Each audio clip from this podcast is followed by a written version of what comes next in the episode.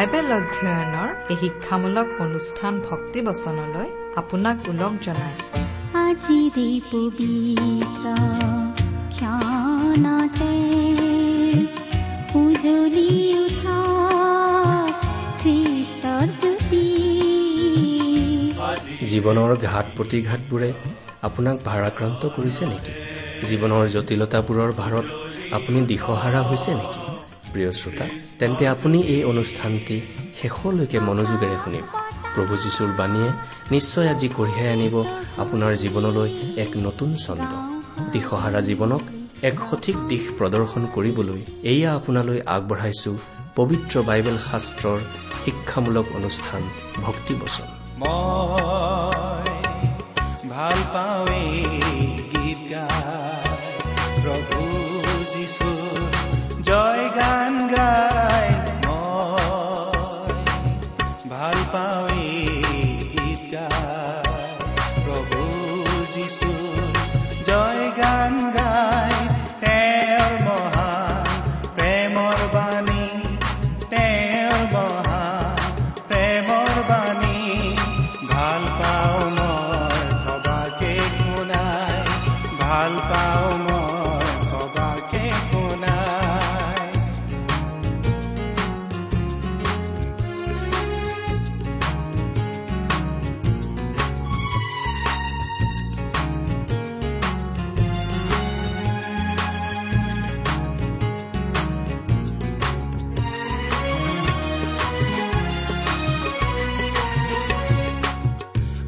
மனதிலே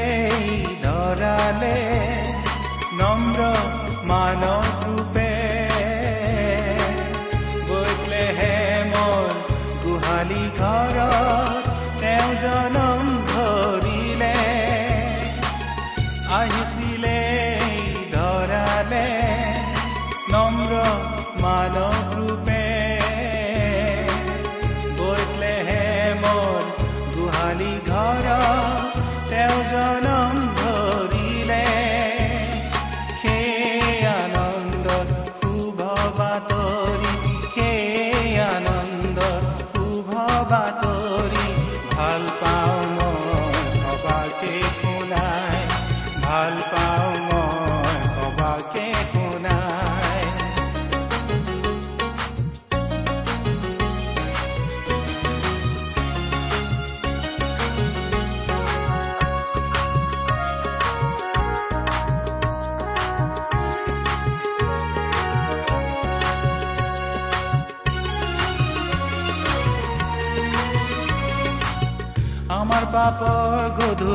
বুজাব তেওঁ কান্ধতে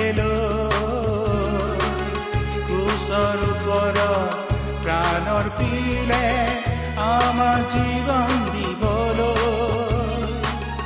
আমাৰ পাপৰ গধুৰ বুজাব তেওঁ কান্ধতে কুশৰ ওপৰত প্ৰাণৰ পিলে আমাৰ জীৱন দিবলৈ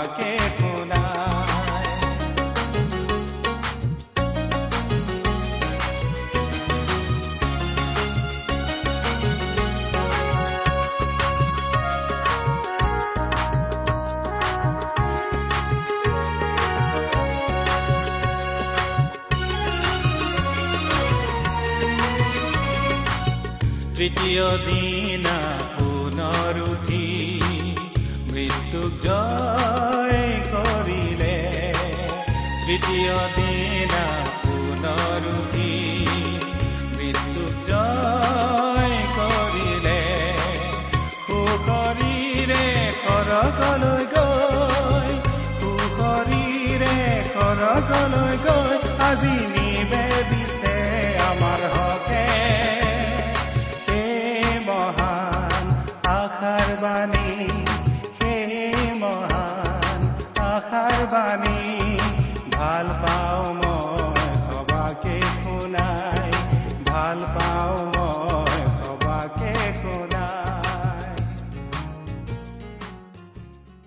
আমাৰ পৰম পবিত্ৰ প্ৰভু যীশুখ্ৰীষ্টৰ নামত নমস্কাৰ প্ৰিয় শ্ৰোতা।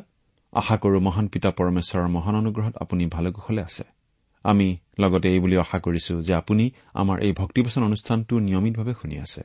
যদিহে আজি প্ৰথমবাৰৰ বাবে শুনিছে শুনি কেনে পালে আমালৈ চিঠি লিখি জনাবচোন? আৰু যদি আপুনি আমাৰ নিয়মীয়া শ্ৰোতা কিন্তু কেতিয়াও আমালৈ চিঠি পত্ৰ লিখা নাই তেনেহলে আজিয়ে লিখিবচোন। আৰু যদিহে আমালৈ মাজে সময়ে চিঠি পত্ৰ লিখি আছে তেনেহলে আপোনাক ধন্যবাদ জনাইছো। আৰু চিঠি লিখি থাকিবলৈ অনুৰোধ জনাইছো। আহকচোন। আজিৰ বাইবেল অধ্যয়ন আৰম্ভ কৰাৰ আগতে খন্তেক প্ৰাৰ্থনাত মূৰ দুৱাওঁ। আমি প্ৰাৰ্থনা কৰো স্বৰ্গত থকা অসীম দয়ালু পিতৃ ঈশ্বৰ তোমাৰ মহান নামৰ ধন্যবাদ কৰো। তুমি সৰ্বশক্তিমান সৰ্বব্যাপী সৰ্বজ্ঞানী ঈশ্বৰ হৈও আমাৰ দৰে ক্ষুদ্ৰ মানৱক যে ইমান প্ৰেম কৰা সেই কথা ভাবিলেই আচৰিত হওঁ। তুমি আমাক ইমানেই প্ৰেম কৰিলা যে আমাক পৰিত্ৰাণ দিবলৈ তুমি তোমাৰ একেজাত পুত্ৰ যীশুখ্ৰীষ্টকে আমালৈ দান কৰিলা। তেওঁ আমাৰ সকলো পাপৰ বোজা নিজৰ কান্ধত লৈ আমাৰ হৈ ক্ৰুচত প্ৰাণ দিলে। নিজৰ পবিত্ৰ তেজেৰে আমাৰ পাপৰ প্ৰাচিত্য কৰিলে। আজি তেওঁত বিশ্বাস কৰি আমি অনন্ত জীৱন লাভ কৰি তোমাক পিতৃ বুলি মাতিব পৰা হৈছো। তাৰ বাবে তোমাক অশেষ ধন্যবাদ পিতা। এতিয়া আমি তোমাৰ মহান বাক্য বাইবেল শাস্ত্ৰ অধ্যয়ন কৰিবলৈ ওলাইছো। প্ৰাৰ্থনা কৰিছো পিতা। তোমাৰ বাক্য তুমিয়েই আমাক বুজাই দিয়া। এই অনুষ্ঠান শুনি থকা আমাৰ মৰমৰ শ্ৰোতাসকলক তুমি উপচি পৰাকৈ আশীৰ্বাদ কৰা। কিয়নো এই প্ৰাৰ্থনা আমাৰ মহান ত্ৰাণকৰ্তা মৃত্যুঞ্জয় প্ৰভু যীশুখ্ৰীষ্টৰ নামত আগবঢ়াইছো।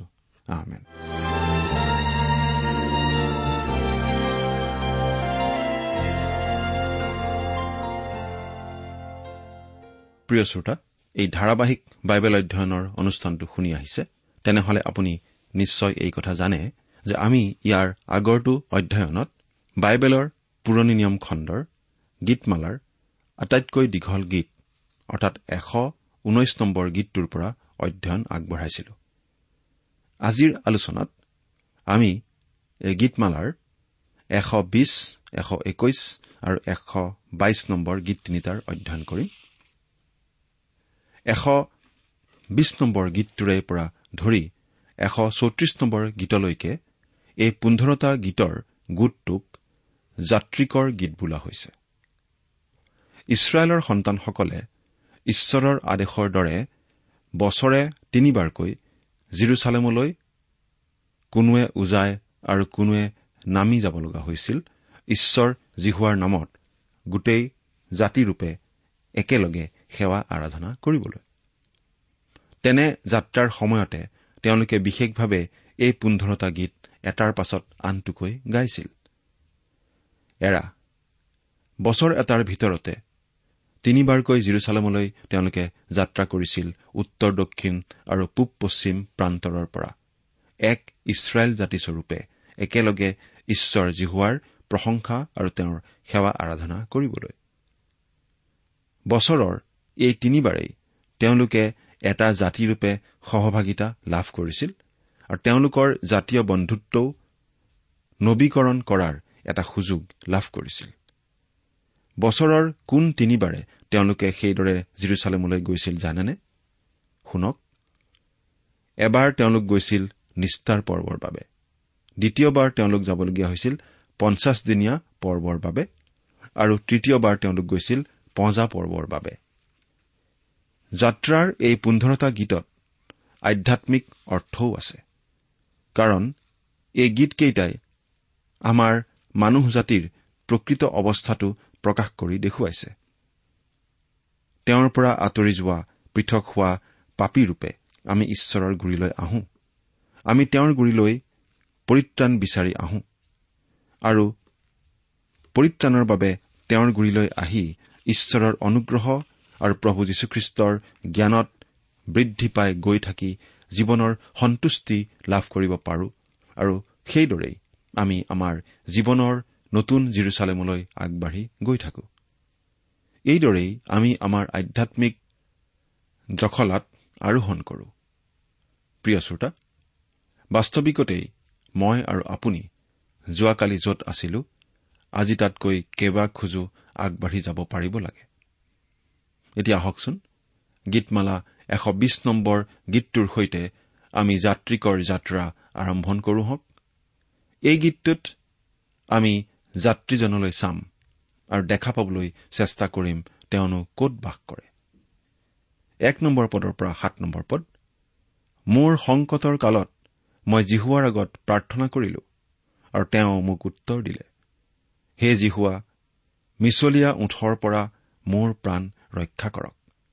আৰু প্ৰবঞ্চকৰ জীৱাৰ পৰা মোক উদ্ধাৰ কৰক। হে প্ৰবঞ্চক জীৱা তোমাক কি দিয়া যাব? তোমালৈ আৰু কি কৰা যাব? বীৰৰ চোকা কাঁড় আৰু ৰুতম গছৰ জ্বলা অঙঠা। হাই হাই মই মেচেকত প্ৰবাস কৰিছো। কেদৰৰ তম্বুবোৰৰ মাজত বসতি কৰিছো। শান্তিক ঘীনাওতাৰ লগত মোৰ প্ৰাণে বহুকাল বাস কৰিছে। মই শান্তিপ্ৰিয়। কিন্তু যেতিয়া মই কথা কওঁ তেতিয়া তেওঁলোকে যুদ্ধ কৰিবলৈ ইচ্ছা কৰে। এই গীতটো বিশেষভাৱে ইছৰাইল জাতিৰ বাবে বৰ সময় উপযোগী। ইয়াত যাত্ৰীজনে কৈছে বোলে তেওঁ মেচেক আৰু কেদৰত বসতি কৰে। মেচেক আৰু কেদৰ কোন আছিল জানেনে প্ৰিয় শ্ৰোতা? মেচেক আছিল জাফেটৰ বহু কেইগৰাকী পুত্ৰৰ এগৰাকী পুত্ৰ। সেই বিষয়ে আমি পাওঁ আদিপুস্তক দহ নম্বৰ অধ্যায়ৰ দুই নম্বৰ পদত। জাফেটৰ বংশধৰসকলেই আজিৰ অনাজিহুদী জাতিসকলৰ মূল বংশধৰ আৰু আজি আমি জানো যে জিহুদী লোকসকল সেই অনাজিহুদী জাতিবিলাকৰ দেশসমূহৰ মাজত সিঁচৰতি হৈ আছে। আৰু সেইদৰেই ইছৰাইল লোকসকল এনেকে আজিও মেচেকৰ মাজত বসবাস কৰিবলগীয়া হৈছে। সেইদৰে কেদৰো আছিল ইছমাইলৰ পুত্ৰ। তাৰমানে কি আপুনি বুজিছেনে বাৰু?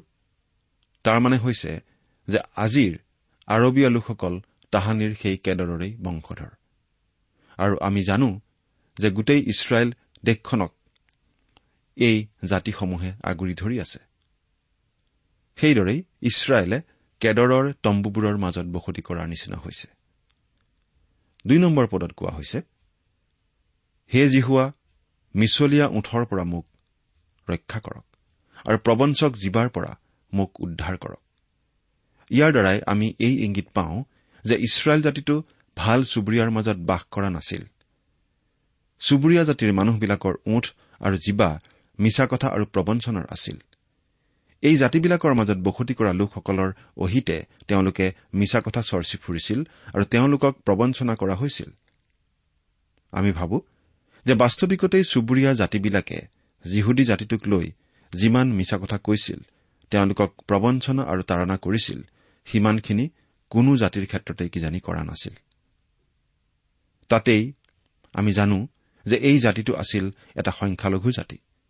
কিন্তু ঈশ্বৰৰ পৰিকল্পনা আৰু আশীৰ্বাদৰ কাৰণে এই সংখ্যালঘু জাতিটোৱে আন বিজাতীয় লোকৰ বিস্তৰ মন্দতাৰ মাজতো আগবাঢ়ি গৈ থাকিব পাৰিছিল। আগবাঢ়ি গৈ আছে আৰু আগবাঢ়ি গৈ থাকিব। এই জাতিটো সকলো যুগৰ সকলো সময়তে প্ৰায় সকলোবিলাক জাতিৰ সমালোচনাৰ সন্মুখীন হৈ আহিছে। জাতিটোৰ বিৰুদ্ধে বিৰোধিতা যুগ যুগ ধৰি চলি আহিছে। কিন্তু এই সকলোবিলাকৰ মাজতো এই জাতিটো বৰ্তি থাকিব পাৰিছে আগুৱাই গৈ থাকিব পাৰিছে। আপুনি আৰু ময়ো তেনেকে ক'ব পৰা হোৱাটো বৰ প্ৰয়োজনীয় কথা। এই জাতিটোৰ ক্ষেত্ৰত কেৱল মন্দৰ মাজত বৰ্তি থাকি অগ্ৰসৰ হ'ব পৰাটোৱেই বিষয় নাছিল। জাতিটোৱে শান্তি আৰু সম্প্ৰীতিৰ মাজত বসবাস কৰিব খুজিছিল কিন্তু পৰজাতীয় লোকসকলে সদায়ে যুদ্ধ কৰি ভাল পাইছিল। এই কথাটো আজিও সঁচা। ইছৰাইল জাতিটোৱে এতিয়াও চেগা চৰুকাকৈ পৰজাতীয় লোকৰ সৈতে যুদ্ধ কৰিয়েই থাকিব লগা হৈছে। তাৰ পাছৰ পদৰ পৰা আমি দেখিবলৈ পাইছো তেওঁলোকে যুদ্ধ বিগ্ৰহৰ কথা বাদ দি এতিয়া ঈশ্বৰ উপাসনা কৰিবলৈ তেওঁৰ যোগ্য স্তুতিগান কৰিবলৈ শান্তিৰ নগৰ জিৰচালেমলৈ অগ্ৰসৰ হৈছে। জিৰচালেম এতিয়া শান্তিৰ নগৰ নহয় কিন্তু ভৱিষ্যতে ই শান্তিৰ নগৰ হ'ব।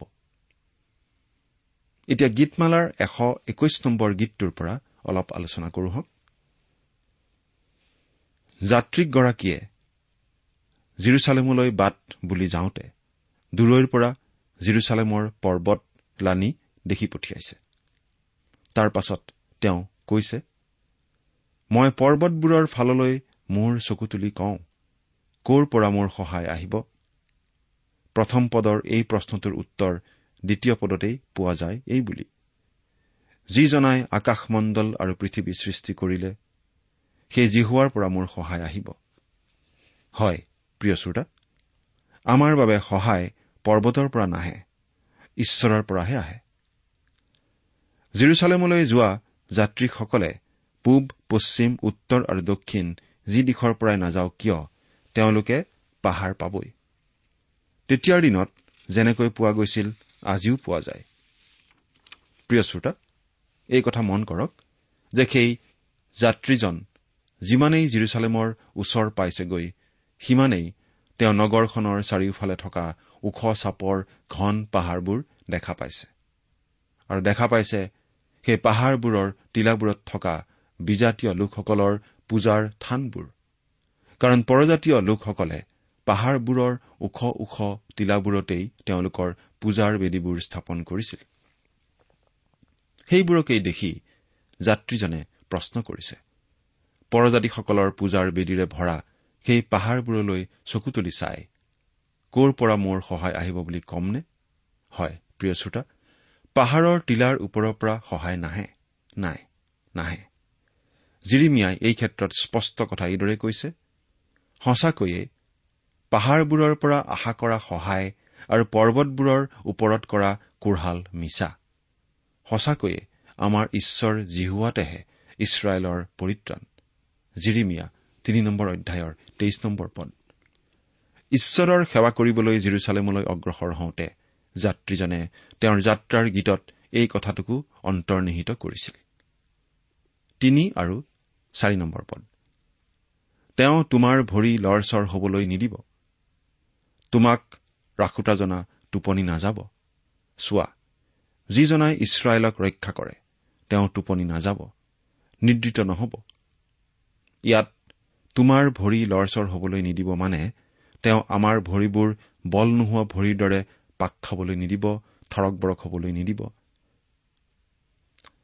প্ৰিয় শ্ৰোতা আমি যেতিয়া লাহে লাহে বয়সত বৃদ্ধি পাওঁ আমাৰ হাত ভৰি আদি দুৰ্বল হৈ পৰে। আমি আগৰ নিচিনাকৈ লৰিব ফুৰিব নোৱাৰা হৈ পৰো। কিন্তু আমি আমাৰ আম্মিক জীৱনত যিহেতু কেতিয়াও বৃদ্ধ বৃদ্ধা নহম গতিকে ঈশ্বৰে আমাৰ ভৰিও থৰক বৰক হবলৈ নিশ্চয় নিদিব। শাৰীৰিকভাৱে আমাৰ ভৰি থৰক বৰক হবই কাৰণ সেয়া ঈশ্বৰৰে নিয়ম। ছয় নম্বৰ পদৰ পৰা আঠ নম্বৰ পদ। দিনত সূৰ্যই তোমাক প্ৰহাৰ নকৰিব আৰু ৰাতি চন্দ্ৰয়ো তোমাক নামাৰিব। জিহুৱাই তোমাক সকলো অমংগলৰ পৰা ৰক্ষা কৰিব তেওঁ তোমাৰ প্ৰাণ ৰক্ষা কৰিব।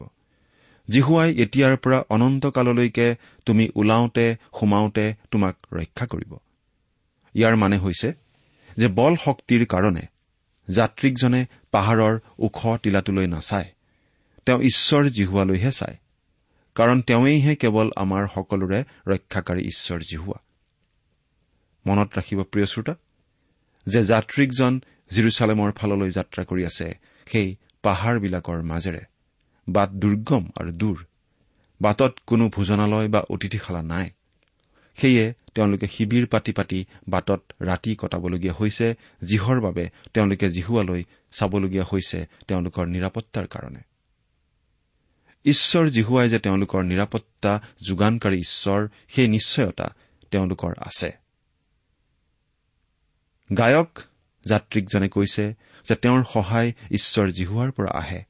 আৰু সেই ঈশ্বৰ জিহুৱাই তেওঁৰ ভৰি থৰক বৰক হবলৈ নিদিয়ে। সিটোপদেশ তিনি নম্বৰ অধ্যায়ৰ ছাব্বিছ নম্বৰ পদত এনেদৰে কৈছে জিহুৱা তোমাৰ বিশ্বাসভূমি হ'ব আৰু তেওঁ তোমাৰ ভৰি ফাণ্ডত নপৰাকৈ ৰাখিব। গীতমালা সাতত্ৰিশ নম্বৰ গীতৰ চৌবিছ নম্বৰ পদত কৈছে যদিও তেওঁ পৰে তথাপি নিচেইকৈ পতিত নহ'ব কিয়নো জিহুৱাই তেওঁৰ হাতত ধৰিছে। বিশ্বাসকাৰিণী হান্নাই কৈছিল তেওঁ তেওঁৰ সাধুলোকবিলাকৰ চৰণ ৰক্ষা কৰিব। প্ৰথম চমুৱেল দুই নম্বৰ অধ্যায়ৰ ন নম্বৰ পদ।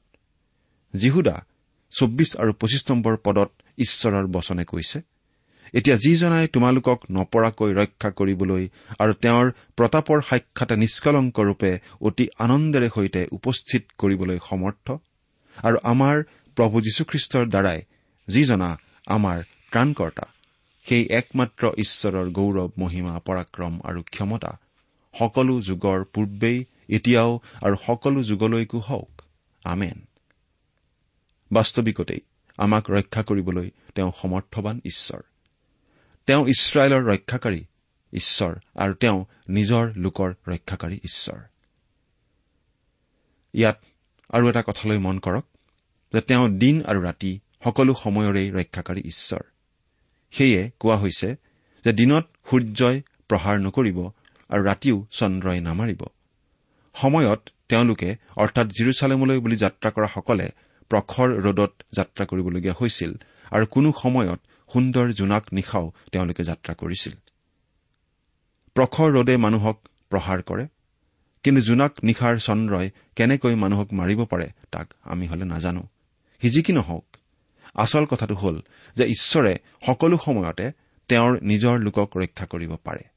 লাগে সেই সময় দিনৰ সময়েই হওক বা ৰাতিৰ সময়েই হওক। এশ একৈশ নম্বৰ গীতৰ আলোচনা আমি ইমানতেই এৰি আহক। এতিয়া এশ বাইশ নম্বৰ গীতটোৰ প্ৰসংগখিনি অলপ আলোচনা কৰো। যাত্ৰিকৰ যাত্ৰাৰ এয়া তৃতীয় গীত। এশ বিশ নম্বৰ গীতত আমি পালো যিহুদী জাতিটো দুখত আছিল। কাৰণ তেওঁলোকৰ ওচৰ চুবুৰীয়া দেশৰ অজিহুদী জাতিবিলাকে তেওঁলোকক ভাল নাপাইছিল। তেওঁলোকে তেওঁলোকৰ বিৰুদ্ধে বৰ জোৰ বিৰোধ কৰিছিল আৰু তেওঁলোকৰ অহিতে মিছা কথা কৈছিল। কিন্তু যাত্ৰিকজনে এতিয়া সেই কথা এৰি যিহুদীসকলৰ পৰ্ব এটা পালন কৰিবলৈ সপৰিয়ালে জিৰচালেমলৈ যাত্ৰা কৰিছে। এশ একৈশ নম্বৰ গীতত আমি দেখিছো যাত্ৰীকে যাত্ৰা কৰি কৰি এনে ঠাই গৈ পাইছেগৈ য'ৰ পৰা তেওঁ জিৰচালেমৰ চাৰিওফালে অৱস্থিত পাহাৰমালা দেখিবলৈ পাইছে। তাৰ পাছত এতিয়া এশ বাইশ নম্বৰ গীতটোত আমি দেখিছো যাত্ৰীকগৰাকী জিহুৱা ঈশ্বৰৰ উপাসনাৰ বাবে অতি সুন্দৰ নগৰ জিৰচালেম পাইছেহি। এক নম্বৰ পদৰ পৰা চাৰি নম্বৰ পদলৈ পাঠ কৰো হওক।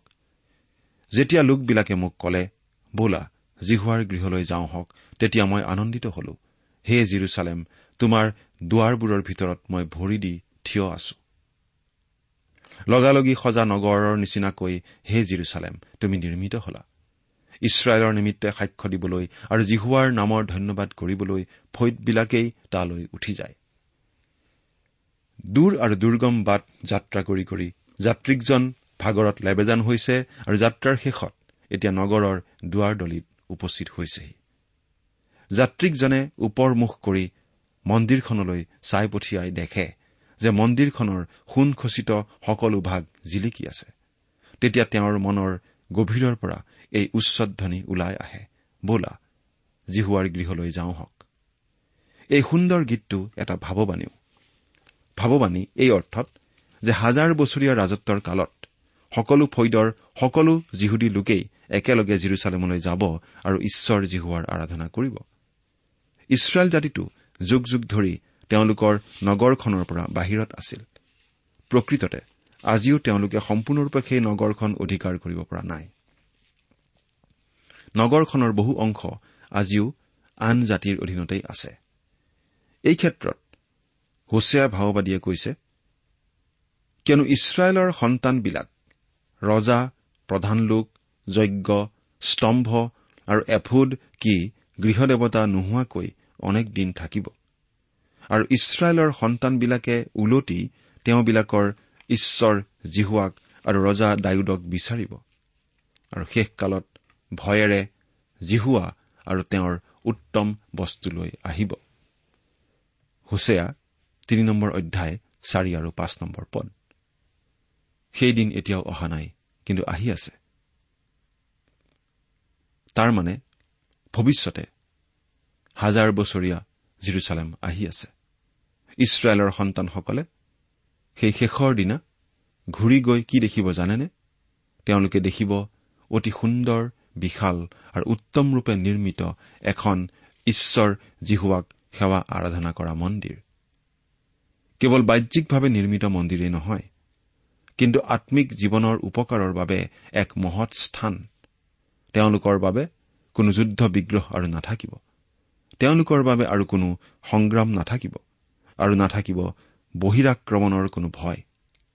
হাজাৰ বছৰ ৰাজত্বৰ কালত এয়া হ'ব সুন্দৰ জিৰচালেম নগৰ। হাজাৰ হাজাৰ বছৰ ধৰি অপেক্ষা কৰি থকা তেওঁলোকৰ নিজৰ নগৰ।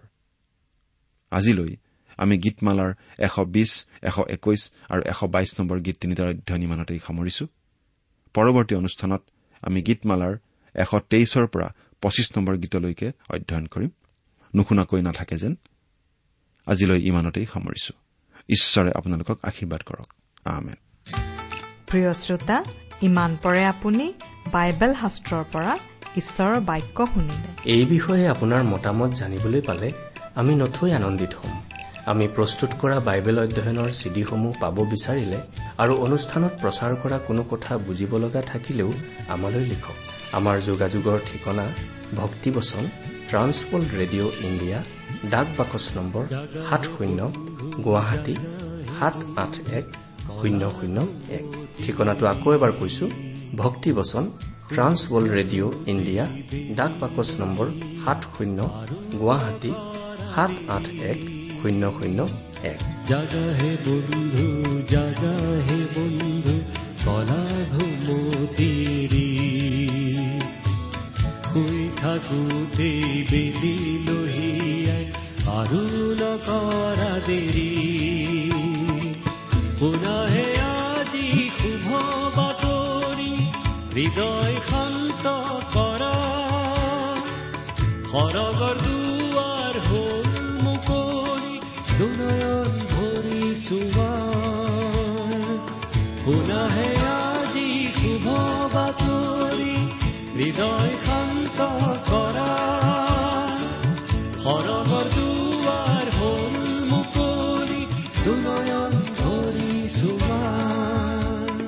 আমাৰ ইমেইল এড্ৰেছটো হৈছে Assamese T TV at the rate radio' eight eight two dot com.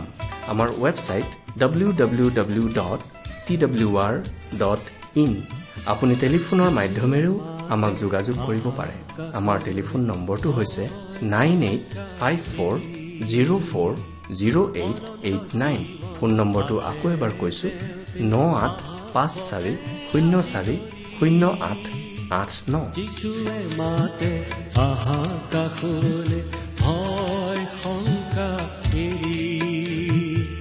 অনন্ত জীৱন আছে সবে আজি দৰি।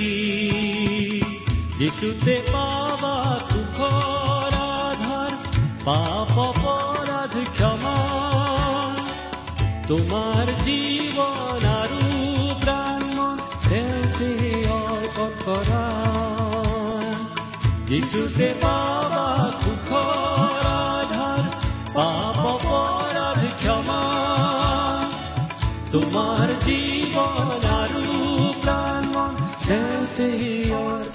এই ভক্তিবচন অনুষ্ঠানটি আমাৰ website radio' eight eight two dot কমতো শুনিব পাৰিব। আজিৰ অনুষ্ঠানটি ইমানতেই সামৰিছো। ঈশ্বৰৰ শান্তি আৰু অনুগ্ৰহ আপোনাৰ লগত থাকক। ধন্যবাদ।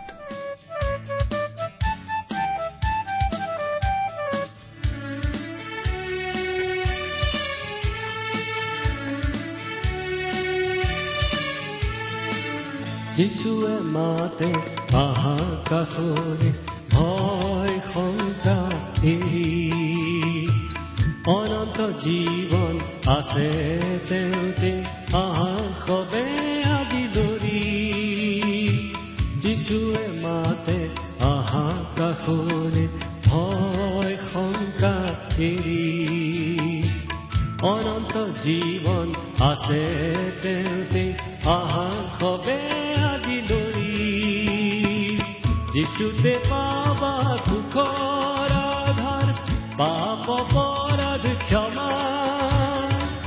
তোমাৰ জীৱন আৰু প্ৰাণ মন তেওঁতে অৰ্পণ কৰা যিচুতে